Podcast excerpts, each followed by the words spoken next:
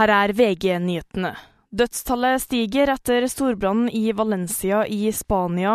Ti er nå bekreftet døde. Blant de døde er en familie på fire med en treåring og en nyfødt baby, melder avisa El Pais. Israels statsminister Netanyahu har lagt frem en plan for hva han vil med Gaza når krigen er over. Det melder den israelske avisen Haaretz. Et dokument publisert av statsministerens kontor viser at de vil knuse Hamas og ødelegge den militære evnen til palestinsk islamistisk jihad. I tillegg kommer løslatelsen av gisler og forhindre alle trusler mot Israel fra Gaza i fremtiden, bl.a. ved å opprette en buffersone. Det siste har blitt kritisert internasjonalt både av FN og USA. Reporter Frode Sti. PST har pågrepet en terrordømt mann i 40-årene fordi Italia ønsker ham utlevert, melder TV 2. Italia hevder han tidligere var mulla Krekars høyre hånd. Russland blir suspendert fra Den internasjonale olympiske komité. I dag avviste idrettens voldsgiftsdomstol anken.